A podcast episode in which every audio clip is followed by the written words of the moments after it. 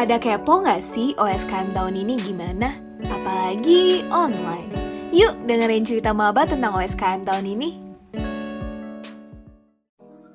Oke, halo halo guys, gimana gimana kabarnya semua? Jadi ini nih, gue kedatangan tamu spesial nih buat podcast kali ini. ya. Sebenarnya eh, dia ini, kalau menurut gue nih lumayan ini, lumayan kalau misalnya dibilang berilmu gitu, berilmu gitu.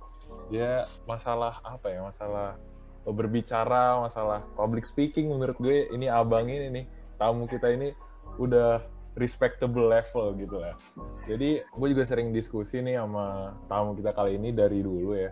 Eh, boleh dulu diperkenalkan eh, bang nama dan hobi atau keunikan diri mungkin ya keunikan diri boleh. sih. Keunikan diri. Makasih Bang Timo. Yo, Eh, kenalin teman-teman nama gue Joseph Hansol dari FCI 20. Hobi gue nonton olahraga sama ngobrol. Habis itu keunikan diri gue apa ya? Yang itu aja kali Tim. Yang gue DBD tiga kali cuy. Yang pertama SD, kedua SMP, ketiga SMA. Itu aja sih. Lucu juga nih si abang Joseph DBD tiga kali. Sama- gitu ya. Ini tim pas yang nih. SMA, gue udah takut mati. Gue pas di atas, gue udah di- gue pas nginepnya di atas 10 hari, gue udah ada perasaan takut meninggal. Itu aja sih. Oke. Jadi sedikit backstory nih eh, abang Joseph ini satu SMA sama gue ya nggak sih? Nice, bener-bener. Nah satu SMA udah satu SMA em, istilahnya satu ekskur lagi sama gue kan. Jadi gue ini sering berdiskusi sama abang ini biasanya. Dan hmm, buat kali ini nih kan kita sama-sama anak ITB nih bang ya. Kita Iya. eh, gue pengen nanya-nanya dulu dong sama lu. Kan kita udah baru merasakan kuliah online pula kan. Gimana nih bang Hmm. sejauh ini gimana perkuliahan online lu bang? Eh, kalau dibilang gampang sih enggak, tapi kalau dibilang susah juga enggak sih. Kayak karena efektif aja gitu. Misalkan gue pengen istirahat ya gue tinggal ke kasur gue cepet banget. Kayak nggak ada nggak ada gue harus beres-beres tas apa semua barang gue ada di sini. Semua gue gampang lah mengatur semuanya. Tapi gimana apakah itu efektif buat gue dapat pelajaran atau enggak itu masalah lain. Gue cukup susah untuk berkonsentrasi dan lain-lain. Hmm, Tapi berarti ya- bukan gara-gara ya. online gitu ya bang?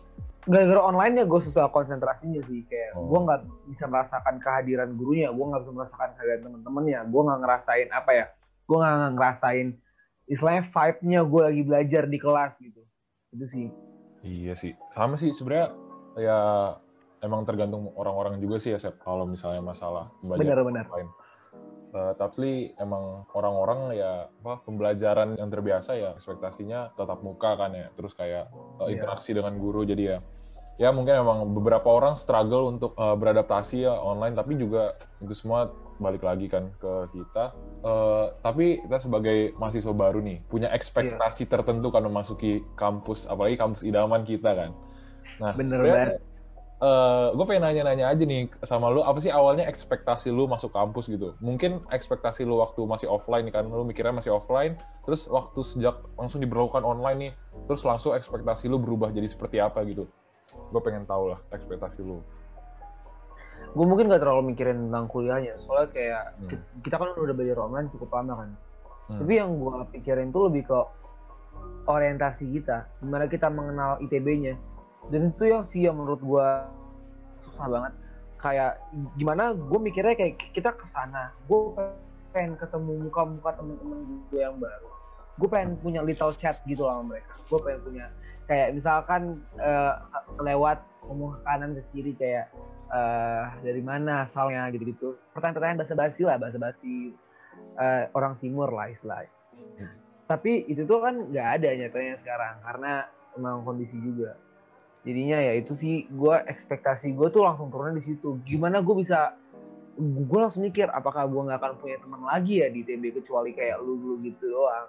Itu sih yang buat masalah kemarin. Tapi gimana bang? Gimana? Punya teman gak bang lu sih tim selama ini bener juga bener juga Nggak salah.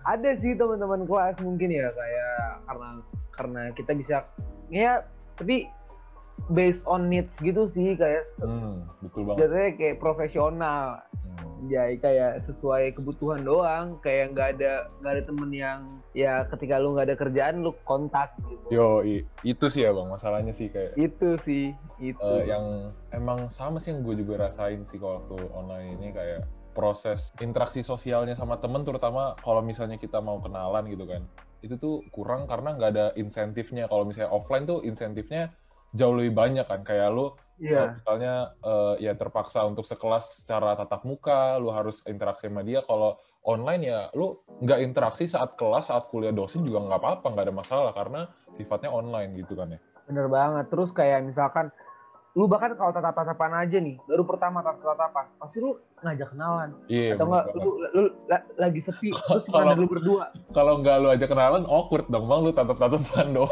iya, makanya Mas. Itu kan Betul. aneh. Jadi Iya. kita jadi kurang ajar gitu kan. kalau nggak diajak kenalan. Aduh. Ya itu aja sih masalahnya. Kan tadi lu ngomong juga masalah orientasi kan. masalah orientasi memasuki kampus baru. Jadi tuh pada OSKM kali ini kan, kan kita berdua nih udah ngejalanin OSKM sebagai mahasiswa TPB nih, mahasiswa baru ITB. Baru kali ini, tahun ini tuh secara daring kan, Sep. Eh, Iya. Gue pengen nanya dong kayak, em, sebenarnya lu udah tahu nggak sih kayak OSKM yang secara offline itu gimana? Jujur gue masih belum tahu gitu sih. Kayak gue mikir cuma nonton nonton video kayak hal-hal kayak gitu aja. Gue nggak akan gua nggak merasa bakal ada kelompok lo- kelompok gue tahu pasti ada. Maksudnya kayak gue gue nggak expect banyak bahasan-bahasan gitu deh. Hmm. Kayak gue pikir cuman ya udah kita nonton dikasih tahu aja Hmm. pidato-pidatonya dekan dan lain-lain. Oke oke. Gue pengen nanya dong lu kelompok berapa sih Sep? Waktu itu keluarga keluarga berapa? Dua tiga delapan. Lupa nih bang. Gue yakin se- sekitar dua tiga delapan lah. Oke lah sekitar ya, sekitar dua tiga delapan. Tapi walaupun lu lupa nomornya, lu pasti masih inget kan sama eh, Kakak-kakaknya. ibu, kakak-kakaknya, teman-teman lu Hmm. pasti kan.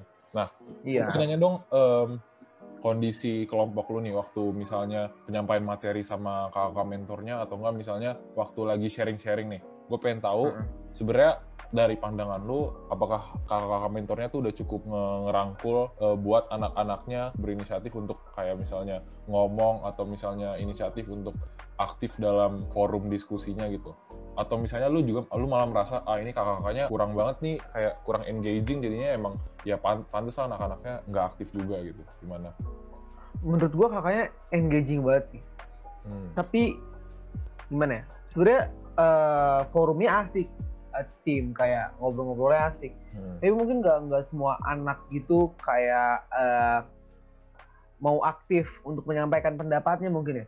Soalnya kayak mungkin karena efeknya online terus kayak di sini nggak ada keharusan buat semua orang ngomong gitu kayak kalau lu datang asli lu bikin lingkaran kan kelihatan siapa yang nggak ngomong maksudnya kelihatan banget pasti dia ke pressure buat ngomong pasti lebih di engage buat ngomong dan lain-lain tapi menurut gua kakak-kakaknya asik dan gue tetap bisa menyampaikan pendapat gue dan bahasan itu udah udah di luar topik juga sering kayak ketawa-ketawa macam-macam pokoknya seru banget lah sama kakak-kakak gue kayak gue sih juga sebenarnya ngerasa sih kalau misalnya em, apa ya kakak mentornya tuh berusaha ya kayak kelihatan banget effortnya untuk eh, menjadi se-engaging mungkin sih kalau gue juga parah sih.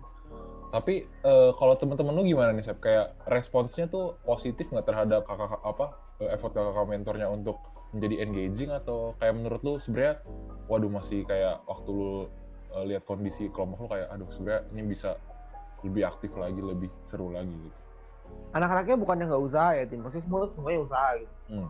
Hmm. datang uh, cenderung on time lah dan lain-lain mereka berusaha ngomong juga tapi mungkin nggak bisa seaktif itu karena kadang-kadang suka tubrukan gitu loh kalau ngomong tuh pas tubrukan ngomong terus lu jadi malas lagi ngomong lagi ngerti gak sih? Iya sih. ya misalkan jadi ya gitulah kurang lebih gitu Banyak jadi kan. semuanya asik Iya sih. Uh, terus juga kakaknya tuh suka ini tim suka ngasih games dan lain-lain dan games itu yang ada effortnya gitu loh jadi kayak seru maksa kita buat ngomong jadi asik banget lah Bener banget sih. Gue juga kayak eh, kakak-kakak gue juga sering ngasih games dan gamesnya sebenarnya kayak eh, simple tapi kayak eh, apa ya? bikin kita pengen apa compete gitu ya. Kayak rasanya kayak compete eh seru juga sih seru kayak eh, Seru, apa seru. sih tebak gambar gitu ya, tebak gambar. Gua waktu itu juga tebak apa ya? Gua kalau nggak salah gue tebak lagu dah. Kalau gue dikasih game sama kakak mentor gue. ya gue ada tebak lagu terus ada tebak itu yang yang paling susah tebak orang ngomong apa nah masalah internet kan ngadet-ngadet ya Ah, bayangin. itu susahnya Aduh. Terus kayak kan ma- malesnya tuh kita lomba-lombaan ngasih jawaban di chat kan. Terus kayak kadang kayak, Iya. aduh ini kenapa gua nggak duluan padahal gua udah cepet gitu kan. iya iya iya bener bener bener Parah sih emang. Tapi ya overall kakak-kakaknya emang udah good sih ya kalau dalam masalah engagementnya. Nah, sama kayak kelihatan gitu ngasih uh, attention ya ke kita kelihatan banget sih Oke sih. eh nih kalau kan udah dari bahas dari kondisi eh, kakak-kakak mentor dan kondisi teman-teman OSKM lu nih kan, kita boleh nih masuk ke mengenai materi-materi di OSKM sendiri kan. Kayak kemarin tuh sebenarnya kalau menurut gua materi kayak tadi kan kemarin waktu awal-awal pembukaan OSKM kan ada Kak Jen kan sebagai ketua eh, OSKM. kajen Keren banget tuh Kak Jen tuh Kak Jen. gimana itu menurut lu Kak Jen? Kalau menurut gue sih keren banget sih Sep, Kak Jen tuh keren banget Eh, fun fact aja beberapa anak PC gua katanya pas dia ngeliat kajen dia inget gue anjing. Sebelum, eh Gua nggak salah tahu. sih, nggak salah juga sih. Kayak iya cara ngomongnya tuh agak-agak ada kemiripan sedikit sih, Sep. Kalau apalagi kalau lu sedang public speaking itu mungkin ya, mungkin kayak yang Sedang gue rasa sih sebagai temen lu gitu kan. oke oke oke Tapi kayak tadi kan gue pengen bahas masalah eh, kemarin kajen yang ka- kajen angkat itu eh, untuk OSKM kali ini terutama kan tentang mendefinisikan peran lu kan. Sebenarnya tuh gimana sih Sep perasaan lu pertama kali waktu ngedengerin tentang mendefinisikan peran ini dari kajen? kalau pertama kali ngerasain ya kayak menurut gue sih gue cuma ngeliat itu sebagai satu hal yang ya emang harus diajarin aja karena kan ini orientasi pasti orang-orang tuh nyari kayak peran gue di masyarakat apa sih bukan di masyarakat sih peran gue di TB apa sih gue pengen ngapain sih di TB jadi kalau menurut gue ya ya udah. Emang emang pas sih buat di awal. Kayak tapi gue nggak gue nggak expect akan jadi lebih dari itu loh. Ngerti gak sih Tin? gue nggak expect akan sejauh itu sejauh yang mereka ngajarin gitu. Gue gue lumayan Hmm. merasa terbantu banget sih sama itu. Tapi kenapa Sep menurut lu eh, misalnya kan kajen tuh udah apa menjelaskan sangat baik gitu kan kayak di speech-nya dia Hmm. juga bagus gitu.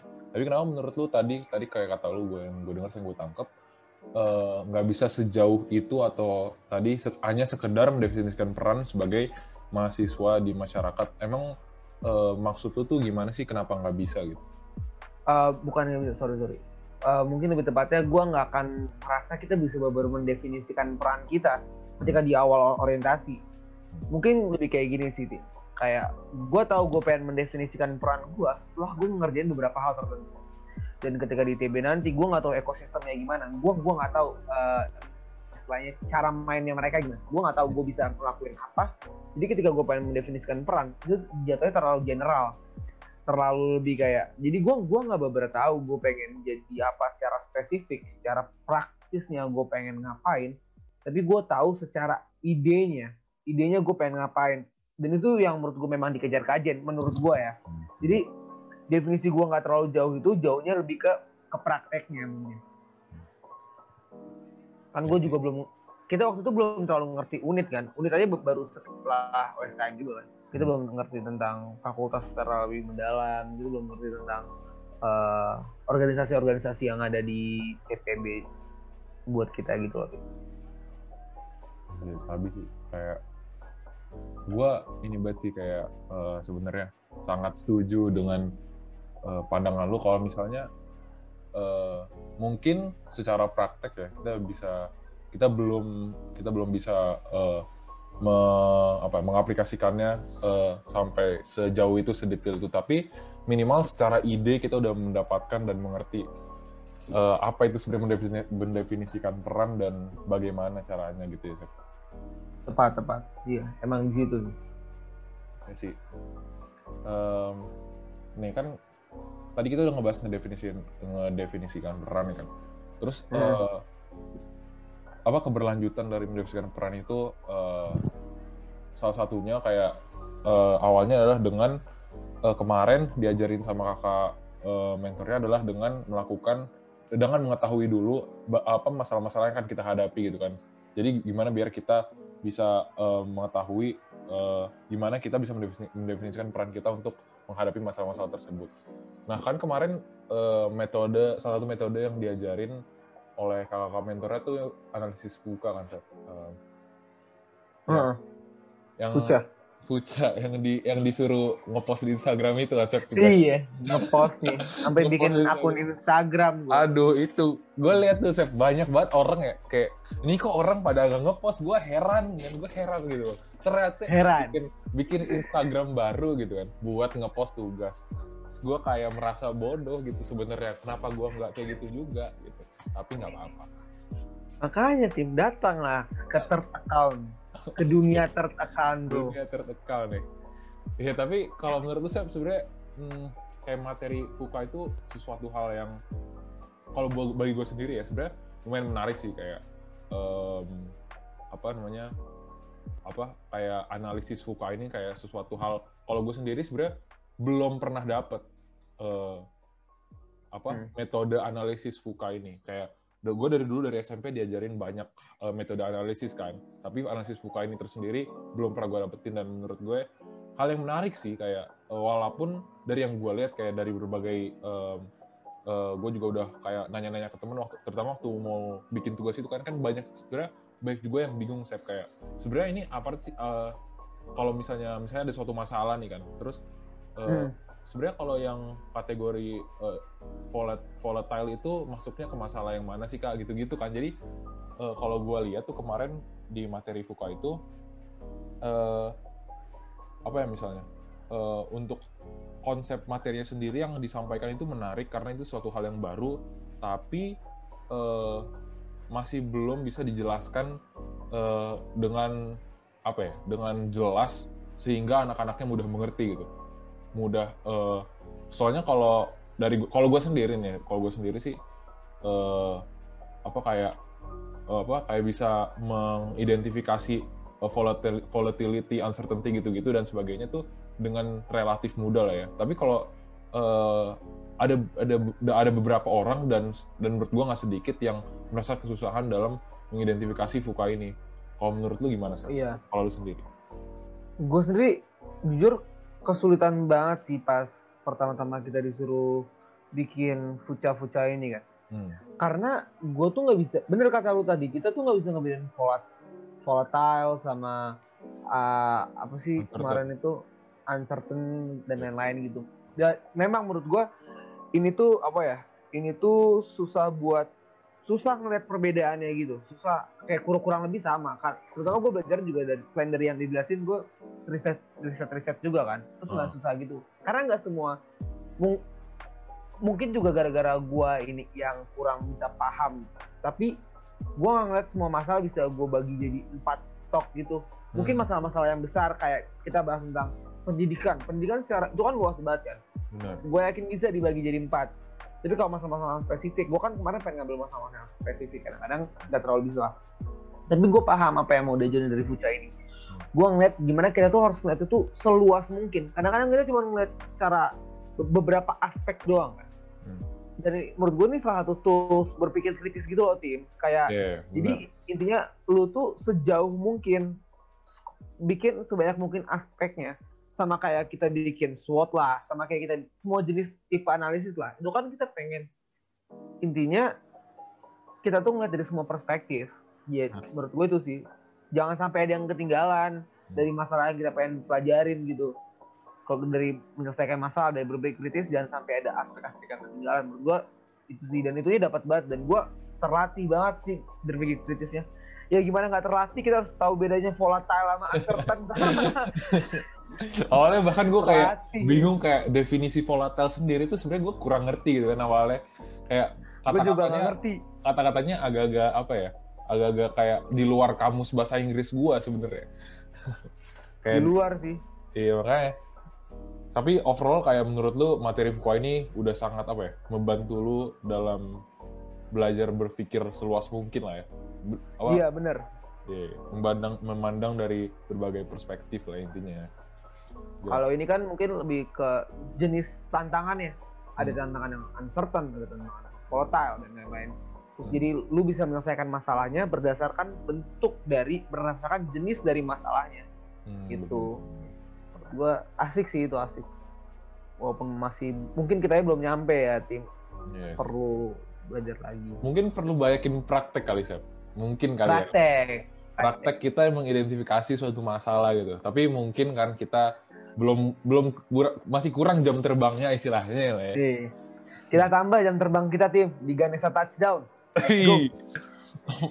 Itu itu nanti tunggu offline lah ya, tunggu offline. Eh, offline lah. Offline. Sabar bersabar dulu Bang kita, Bang. Eh, Hmm, ngomong-ngomong masalah eh, materi-materi nih. Kan kita juga ada banyak materi yang apa? asinkron kan ya, talk, talk show talk show gitu. Oh Eh, iya. Buat o- dari apa? eh, kayak banyak pembicara yang diundang eh, apa? eh, buat jadi buat ngisi talk show di OSKM. Gue pengen eh, nanya dong ke lu, kalau menurut lu kualitas talk show OSKM kemarin tuh gimana sih? Kayak lu ngerasa kayak keren banget apa gimana? gue ngerasa gimana uh, talk show talk show itu luar biasa gimana uh, narasumber yang ngasih uh, tahu informasinya ke kita itu luar biasa lengkap banget menurut gue tapi gue bisa ngasih sisi sisi yang menurut gue bisa dikembangin lagi ya tim Hmm, apa tuh? bahwa sebenarnya kalau lu lihat sekarang anak-anak muda zaman sekarang itu tuh nggak terlalu bisa tahan fokus sama satu hal tuh terlalu panjang nih Hmm. kayak lu lihat kita kita tuh terbiasa sama TLDR sama Hmm. eh, informasi yang yang dimampetin gitu Iya. jadinya kalau kalau udah di atas beberapa beberapa jangka waktu tertentu itu tuh udah nggak bisa fokus. Menurut gua mungkin yang narasumber kemarin tuh kurang kompak lah ya dalam ngasih eh, informasi. Sebenarnya bagus lengkap tapi yang minusnya itu sih kurang kompak jadi gua dengar dengar dari teman-teman gua banyak yang dicepetin lah di skip skip lah. Menurut gua itu dia ya kan? Sih. Iya, itu dia masalahnya.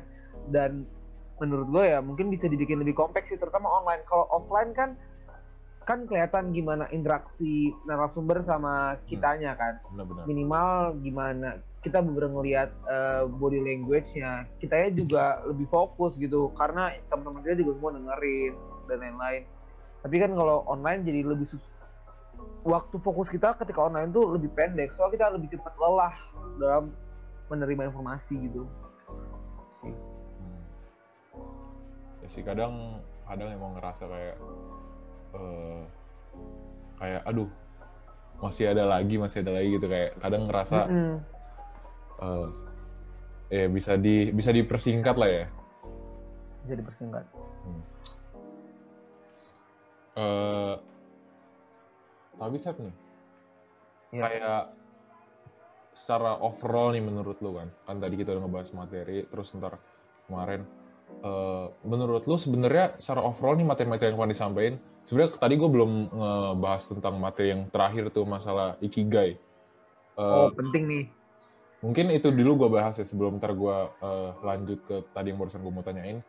Ikigai ini Heeh. kan ini juga kalau menurut gue ya ini salah satu hal baru yang gue eh, dapet gitu.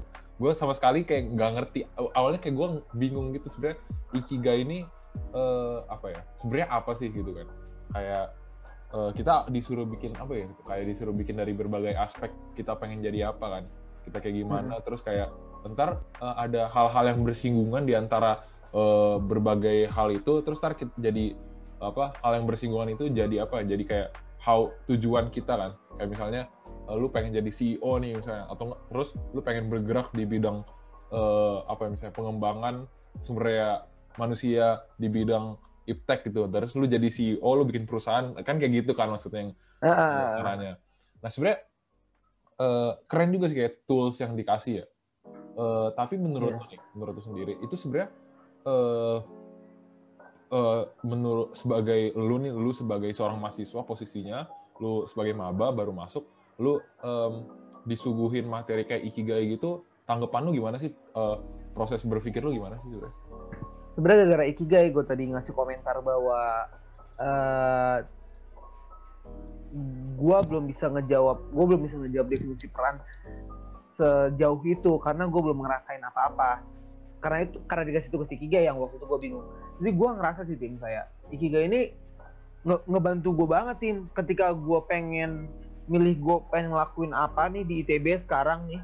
Kan kemarin kita ada unit kan ada uh, sibuk di fakultas ada lu mau akademisnya kayak gimana ada gue milih mau ikut lomba apa itu gue gue kebantu sama Ikigai jadi gue milih lomba yang menurut gue akan membantu gue dalam mencapai tujuan hidup gue mungkin bukan tujuan hidup gue tapi satu dari empat itu yang calling terus profession dan lain-lain. Hmm. minusnya Ikigai tim. Gas ini gue sendiri ya gue tuh nggak dapat empat empatnya tim. Karena gimana ada gimana ya gua, kayak tujuan hidup misal, misalkan aja nih hmm. beberapa tujuan hidup orang kan nggak ada hubungannya sama duitnya hmm. ngerti nggak sih tim oh yang kayak eh mengenai tapi kan nggak harus duit Sep iya mak tapi kan kalau yang profesion kan harus ada duitnya tim Oh iya benar sih. Dan, benar. benar, dan, ya? dan profesion itu kan bagian dari ikigainya kan. Iya benar. Nah itu sih yang yang bagi gue lumayan susah. Gue bukan duitnya. Kalau gue memang butuh duit tim. Tapi oh, ya. di bagian-bagian lain. Kita kan, realistis aja di sini. realistis aja. gue kayak realistis. Siap bang. Um, bagus bagus. Tapi maksudnya di bagian-bagian lainnya, gue gue lupa. Tapi ada beberapa yang gue samain sama sebelahnya gitu. Gue samain sama sebelahnya soalnya gue nggak tahu gue pengen siapa tapi gue ngerasa sih gue tuh di situ nggak ngejawab tujuan hidup gue tuh gue nggak ngejawab kerjaan atau atau gue nggak ngejawab cita-cita yang gue jawab itu gue pengen peran gue jadi apa dan itu yang gue usahain lakuin terus di semua unit gue di semua uh, kesibukan gue lah mantap, mantap. Berarti lu lu langsung berusaha untuk mengimplementasikan ikigai, apa yang lu dapat dari ikigai ini ya, berarti. Iya emang. Wih, keren Respect to Kajen sekali lagi. Makasih Kajen. Kajen. Makasih Kajen. Tapi apa sih kayak tapi bener sih kayak tadi uh, waktu gua jadi kan sebenarnya kan kemarin waktu dikasih tugas-tugas itu kan kayak agak agak disuruh cepet kan kayak cepet cepet cepet ngumpulin yeah. gitu kan nah sebenarnya gue tuh uh, apa kayak um, ngumpulinnya lama karena gue juga kayak lu bingung sebenarnya mau ngisi apa. Betul. Jadi tuh kayak tadi kata lu gue ngerelate banget.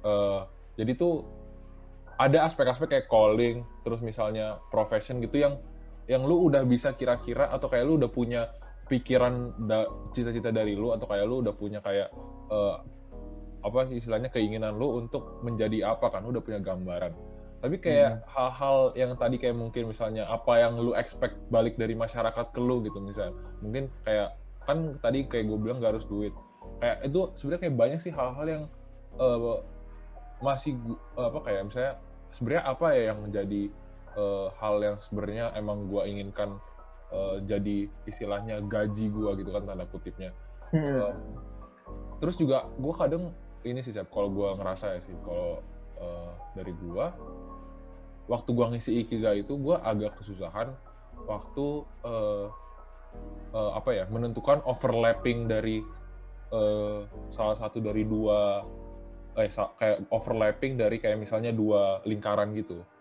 Iya. Sebenarnya kalau gue sih kemarin agak di situ sih lamanya gitu. Gue jadi merenung dikit. Gitu. Merenung banyak. Merenung banyak. Gak dikit. Banyak merenung banyak. Makanya telat ngumpulinnya. Bener. Kalau merenungnya dikit, cepet ngumpulinnya. bener sih, bener. Gak salah. Time.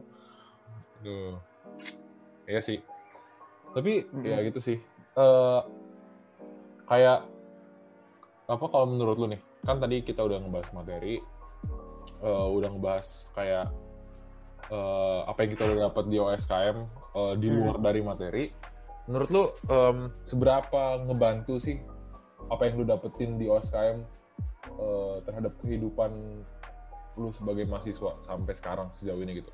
Kayak sebenarnya nggak harus uh, dalam hal akademis kayak ya ter ter justru terutama dalam hal sehari-hari gitu yang bukan akademis. Gimana menurut lu sudah sejauh apa hal itu ngebantu lu? Gitu. Jauh apa yang gue dari OSKM sebenarnya menurut gue ngebantu sampai sekarang tuh ngebantu. Tapi mungkin bantuan itu belum maksimal karena gue belum beber mencapai uh, banyak unit yang gue gue belum beber aktif banyak di banyak hal gitu loh tim. Hmm. jadinya itu tuh kan gue juga belum beber tahu tentang uh, kehidupan di ITB dan lain-lain kehidupan dan kehidupan kita masih ini kayak kehidupan stagnan aja kayak gini-gini aja. Gue nggak banyak ketemu sama orang gue gue tuh nggak banyak hal baru yang gue dapat gitu loh. Tapi setiap hal baru yang gue dapat ini menurut gue OSKM ada dampaknya sama itu. Mulai dari decision making gue terus uh, respon gue terhadap hal baru yang gue dapat gitu-gitu menurut gue ngebantu banget sih. Terutama yang yang gue bilang tadi gimana cara berpikir kritis dari situ. Kan diajarin kan di OSKM sama menentukan peran gue yang gue bilang. Jadi gue milih sesuatu tuh berdasarkan peran gue yang gue bilang di Ikigai um, kan tadi lu ngomong masalah uh, apa belum belum masih belum terlalu kayak uh, belum apa ya belum terlalu mencapai suatu standar untuk uh, lu bisa bilang sangat membantu karena lu juga karena hmm. lu sendiri belum uh, banyak mengimplementasikannya ke banyak hal gitu kan. Iya, belum ada ruang gua ruang untuk mengimplementasikannya. Tapi uh, dalam ruang yang sudah ada menurut lu sudah sangat membantu gitu lah ya. Sudah membantu ya. Oke. Okay. Nah, sebenarnya jadi itu Sep nih. Uh, OSKM itu sebenarnya tuh ada ininya, ada uh, kaderisasi keberlanjutannya sebenarnya kalau lu bisa bilang ya. Sebenarnya kurang lebih kayak gitu namanya oh. uh, uh, bukan namanya sih kayak ya pokoknya itu kaderisasi yang yang sebenarnya uh, lu ikutin ntar waktu lu udah tahun kedua uh, sebagai mahasiswa ITB jadi um, kita ada kaderisasi lanjutan. Hal itu tuh sebenarnya open buat semua um, tingkat dua.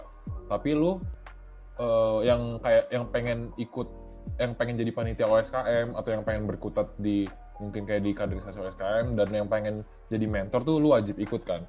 Nah sebenarnya kayak lu uh, tertarik nggak nih? Kayak kalau misalnya lu diminta atau misalnya atau nggak diminta deh lu sendiri gitu kayak uh, lu punya apa ya kayak keinginan untuk uh, apa ya kayak membagikan ilmu lu gitu misalnya untuk untuk mencurahkan sedikit tenaga lu gitu untuk mengikuti kaderisasi lanjutan ini lu ada nggak keinginan? Atau sebenarnya kayak lu um, ngerasa kayak uh, udah cukup lah orang-orang kayak udah banyak maksudnya?